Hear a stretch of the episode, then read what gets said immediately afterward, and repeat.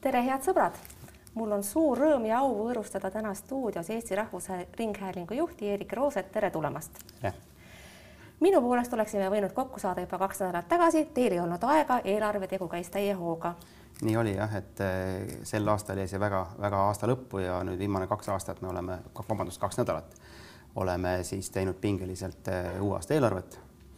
et eh, ühelt poolt oli see lihtne, sest summa on sama, mis eelmine aasta aga teisalt, teisalt jälle on see keeruline, sest kui kulud tõusevad, siis kuskilt peab ikkagi selle äh, nii-öelda kulude katte leidma, nii et aga täna on ta valmis ja. mina just tahtsin küsida, et palju teil palk tõuseb ja palju ajakirjanikud juurde saavad? üldse ei tõuse praeguse plaani järgi. ei teil ega ajakirjanikel? Äh, no eelarves seda, neid vahendeid pole, nii et, et kui, kui kuskil on mingi hädavajaline koht, siis tuleb see leida sisemistest ressurssidest. missuguseid muudatusi toob kaasa sisus? Tõsiasi, et ühtegi senti juurde ei saa, aga kellelgi väiksemaks ka ei lähe, nagu ma aru saan. see oligi äh, eelarve tegemisel kõige keerulisem, et, et mida siis äh, võtta või jätta või kuidas, kuidas siis samu häid asju edasi teha, kui, kui äh, on mingi kallinemine. nii et aga praeguse plaani järgi mingeid väga suuri, ühtegi sellist suurt, suurt tuntud, tuntud saadet või formaati eetrist ära ei kao, nii et Õnne kolmteist kestab edasi teate, erameedias on tegelikult juhtunud väga hullud lood sellel aastal, kui te olete märganud, enamik meist kaotas ju noh, nii umbes ühe kuu palga, kui aasta lõikes võtta. mil moel on ERR pidanud ennast optimeerima või, või on siis tähendab, on siis nõnda, et lihtsalt see, et te juurde midagi ei saa, see tulemus, mida teie optimeerimiseks üldse peate?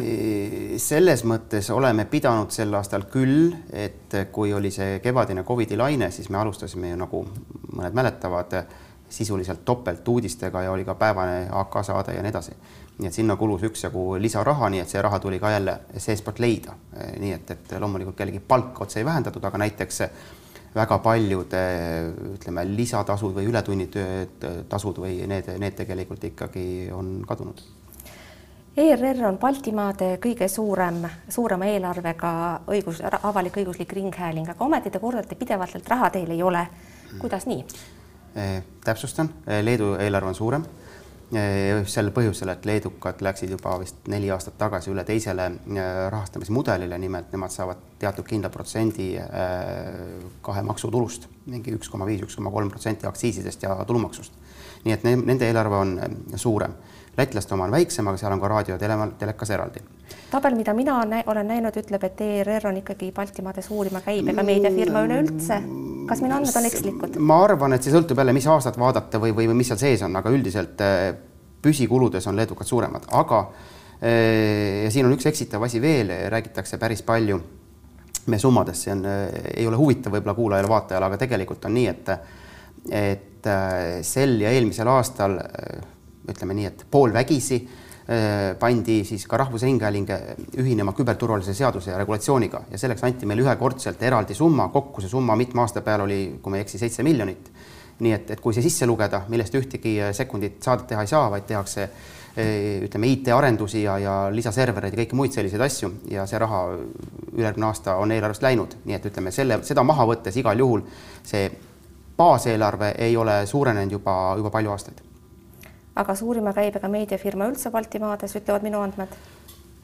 no kui nii, siis nii, noh, eks me siis, siis teeme töö ära, kulutame raha ära no tegelikult saate te peale eelarve selle summa, mis maksumaksjatelt otse tuleb ju ka kaheksasada viiskümmend tuhat eurot umbes igasugustelt ministeeriumitelt, Euroopa Liidult. ma vaatasin, seal on äh, Sotsiaalministeerium mm, -hmm. Keskkonnaministeerium, mhm. Riigikogu Kantselei, aga ka erafirmad mm, -hmm. näiteks Subaru Nordic ja mõned teised teatavas mõttes äh, tekib ju siin küsimus, et kas see ikka on päris seaduslik mm? -hmm no selle Subaru kohta ma küll ei, ei kohe kindlasti ei mäleta, võib-olla see on mingi väga spetsiifiline pisike number kuskil ja vaevalt et ka lausa rahaline. aga võimalik, et väike, aga mina olen sellist tabelit näinud. ja võib-olla ei, ei, ei, ei tunne, ei tea, aga eh, summad, mida me veel lisaks oleme saanud aastaid, ma ütleks viis-kuus, võib-olla rohkemgi aastaid jääb kuskile poole miljoni, miljoni vahele aastas, mis noh, olgem ausad, protsentuaalselt on, on üsna tagasihoidlik või, või olematu number kogu eelarvega aga.... nojah, aga erameediale ei anna keegi eh,. Ah, kogu aeg iga päev annavad, sealt elategi. Eh, aga eh, reklaamina nii-öelda, aga eh,, aga lihtsalt seal on see teema, et, et noh, ma toon näite, et näiteks Keskkonnainvesteeringute Keskus annab ma ei mäleta, mingi, mingi sümboolse summa, mõnikümmend tuhat selleks, et toetada osooni tootmist.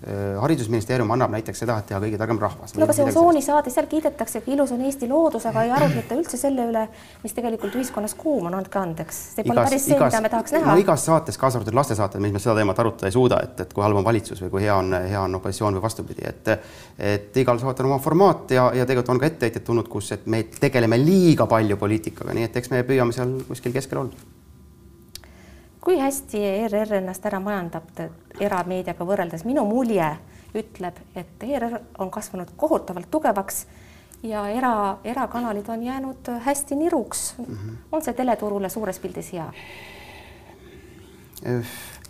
Ma arvan, et praegune olukord, eh, kui korraks hetkeks rahast eh, kõrvale jääda või vaadata seda nagu. ei no see on ikka raha küsimus, me ei saa raha kõrvale jätta mitte kuidagi. räägime sellest nagu kahes eri, eri nagu, nagu lahtris, siis, siis eh, see, mis, mis praegu nagu toimub vaatajate, kui me räägime ainult televisioonist, seal on veel raadio ja, ja teised teenused.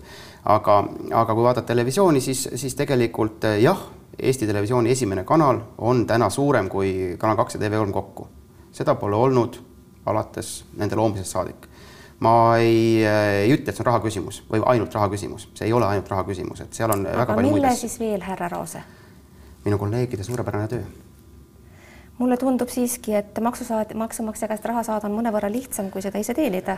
on, on, see on tõsi, aga, aga tegelikult nagu ma ütlesin, et baaseelarvet pole meil muudetud aastaid, nii et tegelikult, mis on toimunud, on ikkagi see, et me teeme äh, noh, ütleme nii, et võib-olla ka tänane juhatus on olnud vähe karmim ja konkreetsem selles mõttes, et, et kui ikkagi eh, noh, kui, kui oli selge juba kolm aastat tagasi või neli aastat tagasi, et, et, et lisaraha meil ei ole, ei ole ega tule, siis, siis oli vaja vaadata, et kuidas me selle eh, rahakotiga majandame ja, ja tegelikult tõesti eh, ma ühtegi näidet nüüd tuua siin kohe käigu pealt ei, ei tahaks või ei oska, aga, aga me kindlasti vaatasime üle neid tegevusi, mis olid topelttegevused ka tehnilise tehnoloogia poole peal, ka saadete poole, mis olid, ütleme võib-olla mitte ei täitnud seda eesmärki, mida me tahtsime ja nende puhul siis äh, panime raha mujale, nii et, et see on see selline võib-olla natukene, tõsi on see, et, et meie, meie juhid, väga paljud on erasektori taustaga ja, ja nende just nüüd viimases, viimase juhatuse ajal ja, ja selle tõttu ütleme, võib-olla suhtumine rahasse on ka selline nõudlikum, efektiivsem. kas vastab tõele, et ERR on teinud pakkumise kaheks järgmiseks olümpiaks kakskümmend neli ja kakskümmend kuus, aga seda peeti liiga väikeseks ja omanik, nende õiguste omanik ei olnud nõus müüma? ja see on väga hea teema, eh, vastab tõele.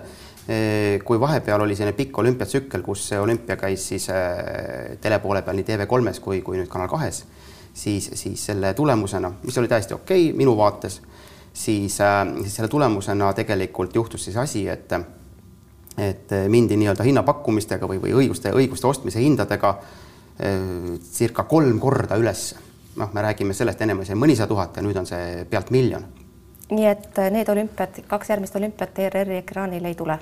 täpne vastus on see, et me teatasime siis äh, õigusi vahendaval Discovery Ameerika Hiiule, et, et me oleme jätkuvalt aastas kaks tuhat neliteist, et see raha, mis meil oli tollal, on ka nüüd, hinnad pole muutunud, meie, meie tulud pole muutunud ja, ja see võimalus meil on ja selle peale teatati, et see ei sobi ehm, nüüd on kurioosne olukord, kus ka Kanal kaks ja TV3 kuuldavasti ei ole huvitatud olümpia ülekandmisest, nii et tegelikult on laual hüpoteetiline risk, et, et kui kaubale ei saada, siis, siis peab Eesti inimene vaatama olümpiat äh, eurospordist. Läheme Meedialiidu kaebuse juurde. kuidas te üldse suhtute tõsiasja, et erameediad on omavahel seljad kokku pannud ja sellise kaebuse või pöördumise Euroopa Komisjoni poole teinud? ütleme nii, et ma, ühelt poolt on see täiesti legitiimne tegevus, vaba maa, demokraatia, sõna on vaba ja kõik need, kõik need toredad sõnad et äh, igaüks, kes tunneb, et tema õigusi on riivatud äh,, mitte ainult ei või, vaid peaaegu et peab nagu sellest märku andma. aga ma tegelikult pigem pean silmas, et kas te mõistate erameedia muret, mina näiteks saan sellest aru, ma võib-olla ei nõustu kõigi argumentatsiooni detailidega, aga ma, ma saan sellest aru. ma mõistan muret ja ma isegi näen seda muret just nimelt selles osas, et tegelikult ähm,, tegelikult probleem on äh, üldise kulukasvude juures, mis on aastatepikkune, siis tulude vähenemine aga, ja see mure on olemas, see on reaalne, aga selle, selle süüdlane ei ole ERR, Eesti riik, eeskätt ERR ja, ja, ja see põhjustajad on teised. Ja eeskätt ma räägin äh, muutunud meediamaastikust, sotsiaalmeedia võrgustikest ja tegelikult äh, väga paljudest äh, hargmaistest või välismaistest mängijatest nagu Google või või, või Facebook, kus tegelikult lähevad ilma, ilma Eesti riigile makse maksmata, sisuliselt makse maksmata, see on no sellega, sellega erameedia tegeleb päevast päeva. ei, aga halvasti tegeleb, mina olen rääkinud sellest eh, korduvalt, et paneme seljad kokku, ma aitan teid, selle peale ei noh, pane parem oma veebiuudised kinni, noh, et see ei ole nagu konstruktiivne diskussioon minu jaoks.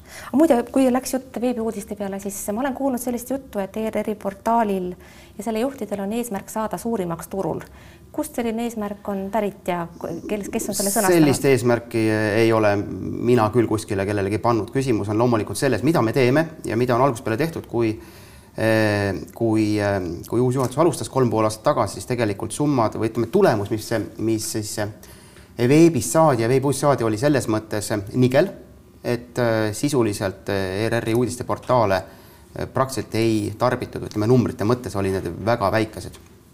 ja, ja ja, ja selge oli see, et noh, on vaja teha nagu paremat tööd ja, ja tegelikult ilma, et ma oleks sinna olulisi rahasid juurde andnud, nüüd töökorralduse muudatustega, teatud eesmärkidega on lihtsalt paremat tööd tehtud. nüüd millega me võrdleme, võrdleme eeskätt iseendaga nagu golfis, et kui me eile, eile oli sada tuhat või ütleme, eelmisel kvartalis oli sada tuhat äh, lugejat, siis noh, nüüd võiks ikka sada kakskümmend tuhat nagu täis tulla, noh näitena äh, otsitud numbrid. nii et ütleme, iseendaga me võrdleme. aga muide, need numbrid oleks tegelikult huvitavad, ma olen kuulnud, et üks bakalaureusetöö tegija nende numbrite vastu huvi tundis mm, -hmm. külastajate arv, loetavus ja muu säärane, aga ta ei saanud neid numbreid. jutt käib Martin, jutt käib Martin Šmutovist, kes on Õhtulehe Õhtu, peatoimetaja no, eh, aga tahtis ülikooli lõpetada, kui just, andmed ei, tegelikult, tegelikult me ikkagi anname numbreid, aga, aga see, mis, mis konkreetselt tema küsis, et seal on, seal on see, et me tõesti nii palju, mm, nii palju nii-öelda statistikat, kui kogub erameedia, mis on arusaadav, ma olen ise seal töötanud nii kaua neid, neid, neid reklaame müünud et seal on vaja nagu väga detailset infot, et oma reklaamikliendile siis näidata, noh, kelleni sa jõuad. ei aga äkki ta jäänud sellepärast, et ta on konkureeriva ei, ma tahan seda öelda, et, et enamikku seda numbritest, mida küsis, tegelikult me ei kogu ja, ja selle, selle nii-öelda väljaotsimine oli nii mahukas töö, et me ütlesime, et meil ei ole mul seda ressurssi. mul on kindlad andmed, et need numbrid on tegelikult olemas. osa, osa numbritest äh, minu teada ka on saanud ja, ja kindlasti ma detaile ei tea, et sellega vist tegeles äh, vist uudistetoimetus, aga, aga ühesõnaga kindlasti äh, midagi ava- või midagi salajast meil ei ole, ka teabenõuded on Erameedialiit esitanud, nii et tegelikult need numbrid kõik olemas. hästi. mul on veel küsimus erameedia suhtes, et kuivõrd peab ERR oma ülesandeks erameedias loodud head sisu omalt poolt võimendada ja näiteks refereerimise kaudu siis oma publikuni viia mm? -hmm ma arvan, et me seda teeme, tegelikult siin see, siin see piir selle äh, ringhäälingu, Rahvusringhäälingu ja erameedia vahel isegi natukene minu meelest kaob, sest, sest juba ammu, sellest on üle kümne aasta möödas, on, on peatoimetajad äh, eri organisatsioonides kokku leppinud, omavahel äh, on tsiteerimine lubatud, seal olid mingid piirid, ma võin eksida, aga äkki oli kolm lauset ja siis peab panema viite juurde nii edasi. seda järgitakse ja seda tehakse vastastikku, nii et, et siin tegelikult äh, Eh, mingit suurt probleemi pole. tegelikult küsid... ma sihin ikka mujale, ma sihin eh, vastsele Õhtulehe materjalile Mailis Repsi kohta mm -hmm. ja kui ma seda uudisvoogu ERR-ist järgin, siis mulle tundub, et ERR-i portaalis on peamine küsimus olnud see, kas mhm. Õhtuleht on milleski eksinud, mitte aga asja tegelik sisu. see on minu isiklik mulje okay., aga see on minu küsimuse tagamõte. minul seda muljet ei ole, muidugi ma pean tunnistama, et, et tõesti ma äh, loen ütleme kolme või, või isegi nelja portaali siis nii, nii ERR-i, Postimeest, Delfit kui Õhtulehte kümneid kordi päevas vilksan pilgu peale, nii et mul on natuke isegi raske öelda, et kus ma täpselt midagi lugesin, et, et olen süüdi. nii et selles mõttes võib-olla minu mulje natuke on petlik, aga minul ikkagi seda muljet, et, et kuidagi ähm, Šmutov valis ühe teema, Delfi teise ja ERR kolmanda, seda muljet mul ei ole, aga, aga tõsi on küll see, et alati äh, ja minu meelest selle vaidlus, kogu see vaidlus oli väga huvitav ka, ka nii-öelda ajakirjandusest mõttes ja prokuratuur andis vist, kui ma ei eksi, üleeile õhtul ju väga selge vastuse kõigile pretensioonidele, kusjuures mina ennustasin oma kolleegidega väideldes paar päeva varem, et täpselt selline vastus tuleb. Eh, nii et, eh, nii et, et, et, et ma siin arvan küll, et, eh, et lõpp hea, kõik hea või, või noh, selles mõttes kõik Hästi. hea, et kõik on selge, mis selle teemaga Hästi. kaetud on. kuidas te suhtute tõsiasja, et tänapäeval on ajakirjanduses võimalik vahepeal liikuda partei, parteidesse ja suhtekorraldusse, siis jälle tagasi tulla? et et see on väga paljudes väljaannetes täiesti tavapärane praktika ja, ja noh, ka ERR-i puhul võib näiteid tuua. meil on, jah, meil on olnud, äh, see teema oli üleval äh, mõni aasta tagasi, kui, kui paar toimetajat meile, meile tulid. ja minu vastus sellele oli täiesti siiras, et see, see piirang ja see, see nõue, et, et sellist liikumist neis suundades saab toimuda ainult ühe, ühe korra, on tegelikult, kui ma ei eksi, pärit Ameerikast Ühendriikidest, kus siis, kus siis on selline noh, ütleme reegel. mis tähendab ühe korra, et käib ära ja tuleb tagasi? ei, vastupidi, et, et, et nii kui, kui sa ühe korra lähed, siis, siis tagasi enam ei tule, ütleme selles mõttes selline reegel. kuigi ma ole, olen kindel, et kindlasti leiab Ühendriigis ka mõne näite, kus on seda nii-öelda rikutud, aga noh no,, printsiip on sealt pärit. nüüd hakata nimesid paljusti ütlema, aga te aga, saate isegi aru, et. aga ma vastan, et, et minu arust Eesti erinevus suurtest, väga suurtest riikidest ja, ja suurtest ühiskondadest on see, et meie äh, inimjõud ja tehnika arv on ja ressurss on niivõrd väike, et kui me ütleme, et kõik, kes on korra Toompealt läbi jalutanud, ei tohi nagu peaaegu et noh, ajakirjandust rääkimata võib-olla poolteist korda veel töötada, noh siis see oleks ju, ju ennekuulmatu äh, raiskamine ja noh. see on tõsi. nii et ühesõnaga mina selles mõttes ma arvan, et äh, veel kord, et ma seda ma ütlesin ka kolm aastat tagasi, kui oli vaidlus äh, näiteks Toomas Sildamäe ümber, kes oli siis, töötas presidendi kantseleis, kui ma ei eksi, tollases, oli see, et, et tegelikult äh, ma eelistan pigem inimest, kelle kohta on teada, kust on tulnud, inimesele, kes tegelikult nagu formaalselt on sõltumatu, aga mingit ajab nagu millegipärast, tundub mõnele, et ajab mingit asja. Te olete öelnud, et teie ajakirjanike tööle ei võta isiklikult, küll aga olete viidanud, et sisuliselt on teil ikkagi vetoõigus, kuna kirjutate alla kõigile töölepingutele. mitu korda täp... olete seda õigust kasutanud uh,? ohoh, väga hea küsimus. aus vastus on, et mitte ühtegi korda, aga Äh, on olnud, on olnud ilmselt, äh, ma arvan, et ma isegi ühtegi nime täpselt ei mäleta, aga on olnud juhtumeid, eriti just ülalpool, ütleme siis, kui et ajakirjanike tasemel me, me, mina seal ei, ei osale, aga ütleme juba osakonnajuhtide tasandil on, kui on konkurss, mis on äh, enamikel juhtudel, siis, siis me noh, nii-öelda näiteks vaatame või juhatus näeb ka seda nii-öelda lõppvooru, lõppvooru nimekirja, noh, siis on tõenäoliselt ma olen mõnel puhul öelnud, et, et sellele või teisele kandidaadile ilmselt ma äh, lepingule alla ei kirjutaks no,. nimed, nimed oleks väga huvitavad, aga ma saan aru, neid ei tule isegi, need on, need ei ole huvitavad, need on noh, kui, kui, kui äh, ütleme mõni, mõne sellise IT-valdkonna keskastme juhi ju puhul on mingid, seal on pigem nagu tehnilised aspektid, et hästi. ma ei usu, et see on huvitav. hästi, meil on hästi vähe aega, aga küsimusi on veel hirmus palju, me peame rääkima poliitilisest survest, mille alla ERR on sattunud. on tegelikult äh, täiesti ajalooline hetk ja võib-olla, võib-olla midagi säärast, mida me praegu näeme, sellist poliitilist survet ERR-i suunal ei ole kunagi varem olnud.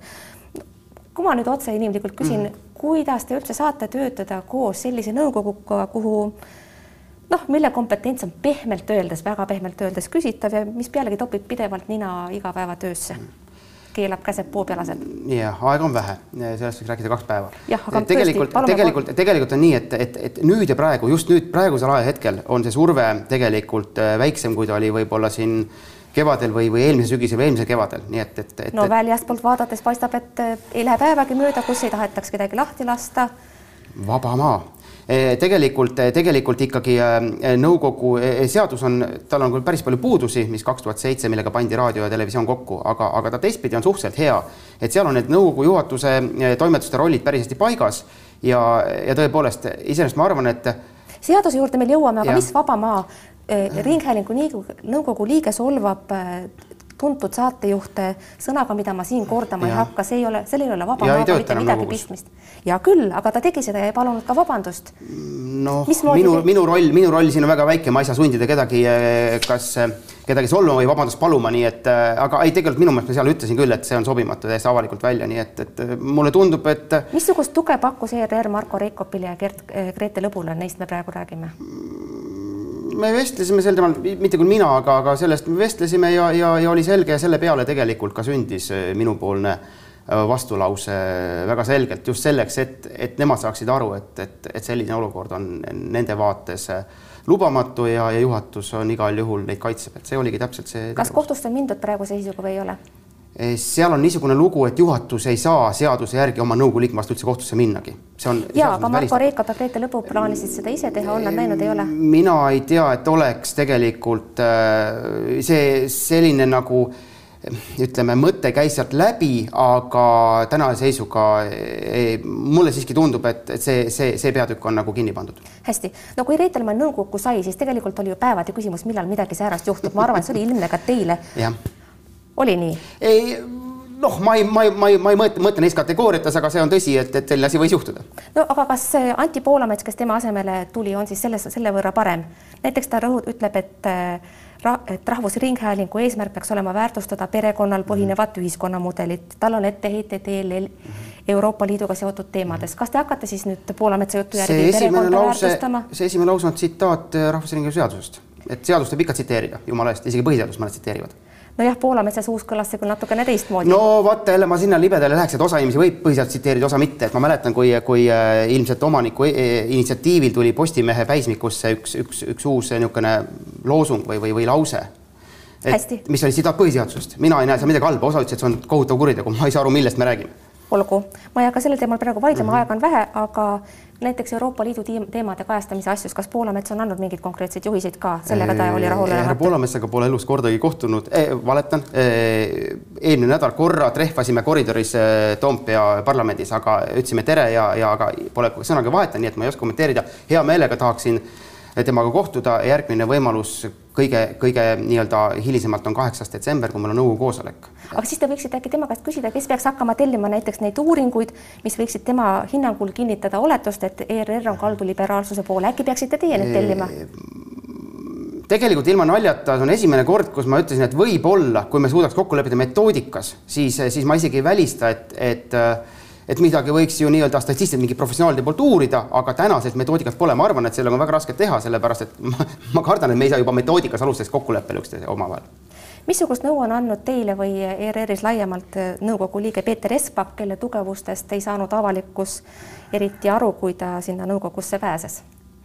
No ma nimeliseks siin nüüd äh, niimoodi ei oska minna äh,. ma tuletan meelde, eks ju, et uued eksperdid, kolm tükki, kui ma ei eksi, siis. Äh, no kõik need eksperdid olid parteilise taustaga, see on mu küsimuse mõte. see on osa, osa, osa nagu küsimusest ja probleemist mida võib nii küsida see uute nii-öelda ekspertide äh, no eksperdid, andke andeks. ja, aga ma tahan nüüd aja, see, see, see, see toimus, kui ma ei eksi, maikuus, peale seda on olnud vist kolm nõukogu koosolekut näiteks nii et ütleme, meie kontaktid ei ole olnud ka nüüd, nüüd lõpuni, lõpuni mingid väga detailsed, nõukogu koosolekud kestavad tund kuni kaks seal on päevakord, esitatakse küsimusi juhatusele, vastused, nii edasi, nii et tegelikult. mis on Espaki panus, küsin mina mm.? noh, Hõbemäe puhul eriti ei kahtle, et ta jagab asja ja Trasbergi puhul noh, saame enam-vähem ka aru, aga Espaki puhul ei saa. ma pean võtma välja või, või peaksime välja võtma siis nõukogu liige, nõukogu protokollid, aga no,. Te ju mäletate, tooge mõni näide ausalt ei mäleta, tegelikult erinevad nõukogu liikmed on esitatud küsimusi nii eelarve menetluses, nii erinevate poolaasta ülevaates, ka Espak on esitanud ja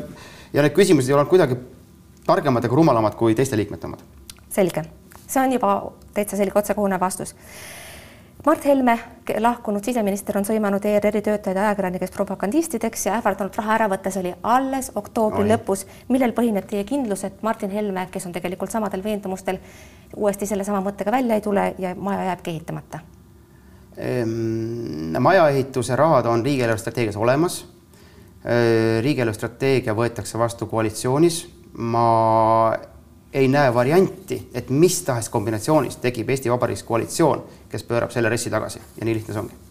nii et kakskümmend kaks miljonit maja jaoks on kindel ja ta ükskõik, mida Martin Helme ei räägi, jääb teile alles? Ehm, täna on see seal sees ja ma ei näe mehhanismi, kuidas see peaks sealt välja liikuma hästi, mõni sõna Ringhäälingu seaduse kohta, mille esitas EKRE liige Kalle Grünthal, põhjendused olid jällegi noh, minu silme jaoks natukene naeruväärsed, heitis ette teile, et siin käib samasooliste äh, abielu propaganda ja muud veidrused, mis ja tõi ette näiteks, et Põllumees tahtis eetrisse minna ja ERR-is aga ei olevat saanud. Kuidas te suhtute üldse selle Grünthali selgitustesse ja Ringhäälingu seaduse muutmise vajadusse kui säärasesse? Ringhäälingu seaduse muutmise teatav vajaduse uuendamine on tegelikult päevakorral juba kolm aastat.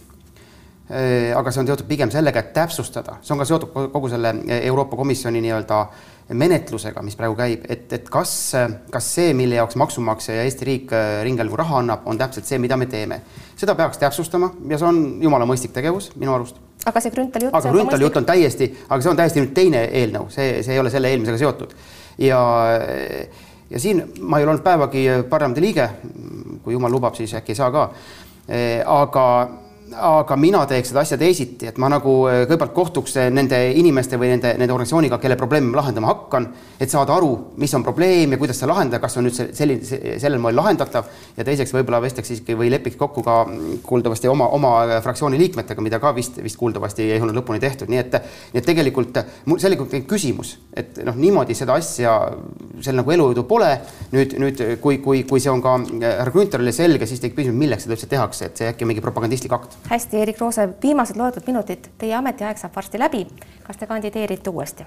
vara öelda, see päris varsti ei ole, see on ikka poolteist aastat veel, nii et. no siiski, inimesed mõtlevad ju ometi ette. mina nii kaua ette ei mõtle selles ametis. noh, see on vähemasti selge vastus. Eerik Roose suur,, suur-suur tänu, et tulite stuudiosse, head sõbrad, aitäh, et vaatasite. palun vaadake teinekord ikka jälle, elage vahepeal hästi ja olge terved, nägemiseni, kuulmiseni. aitäh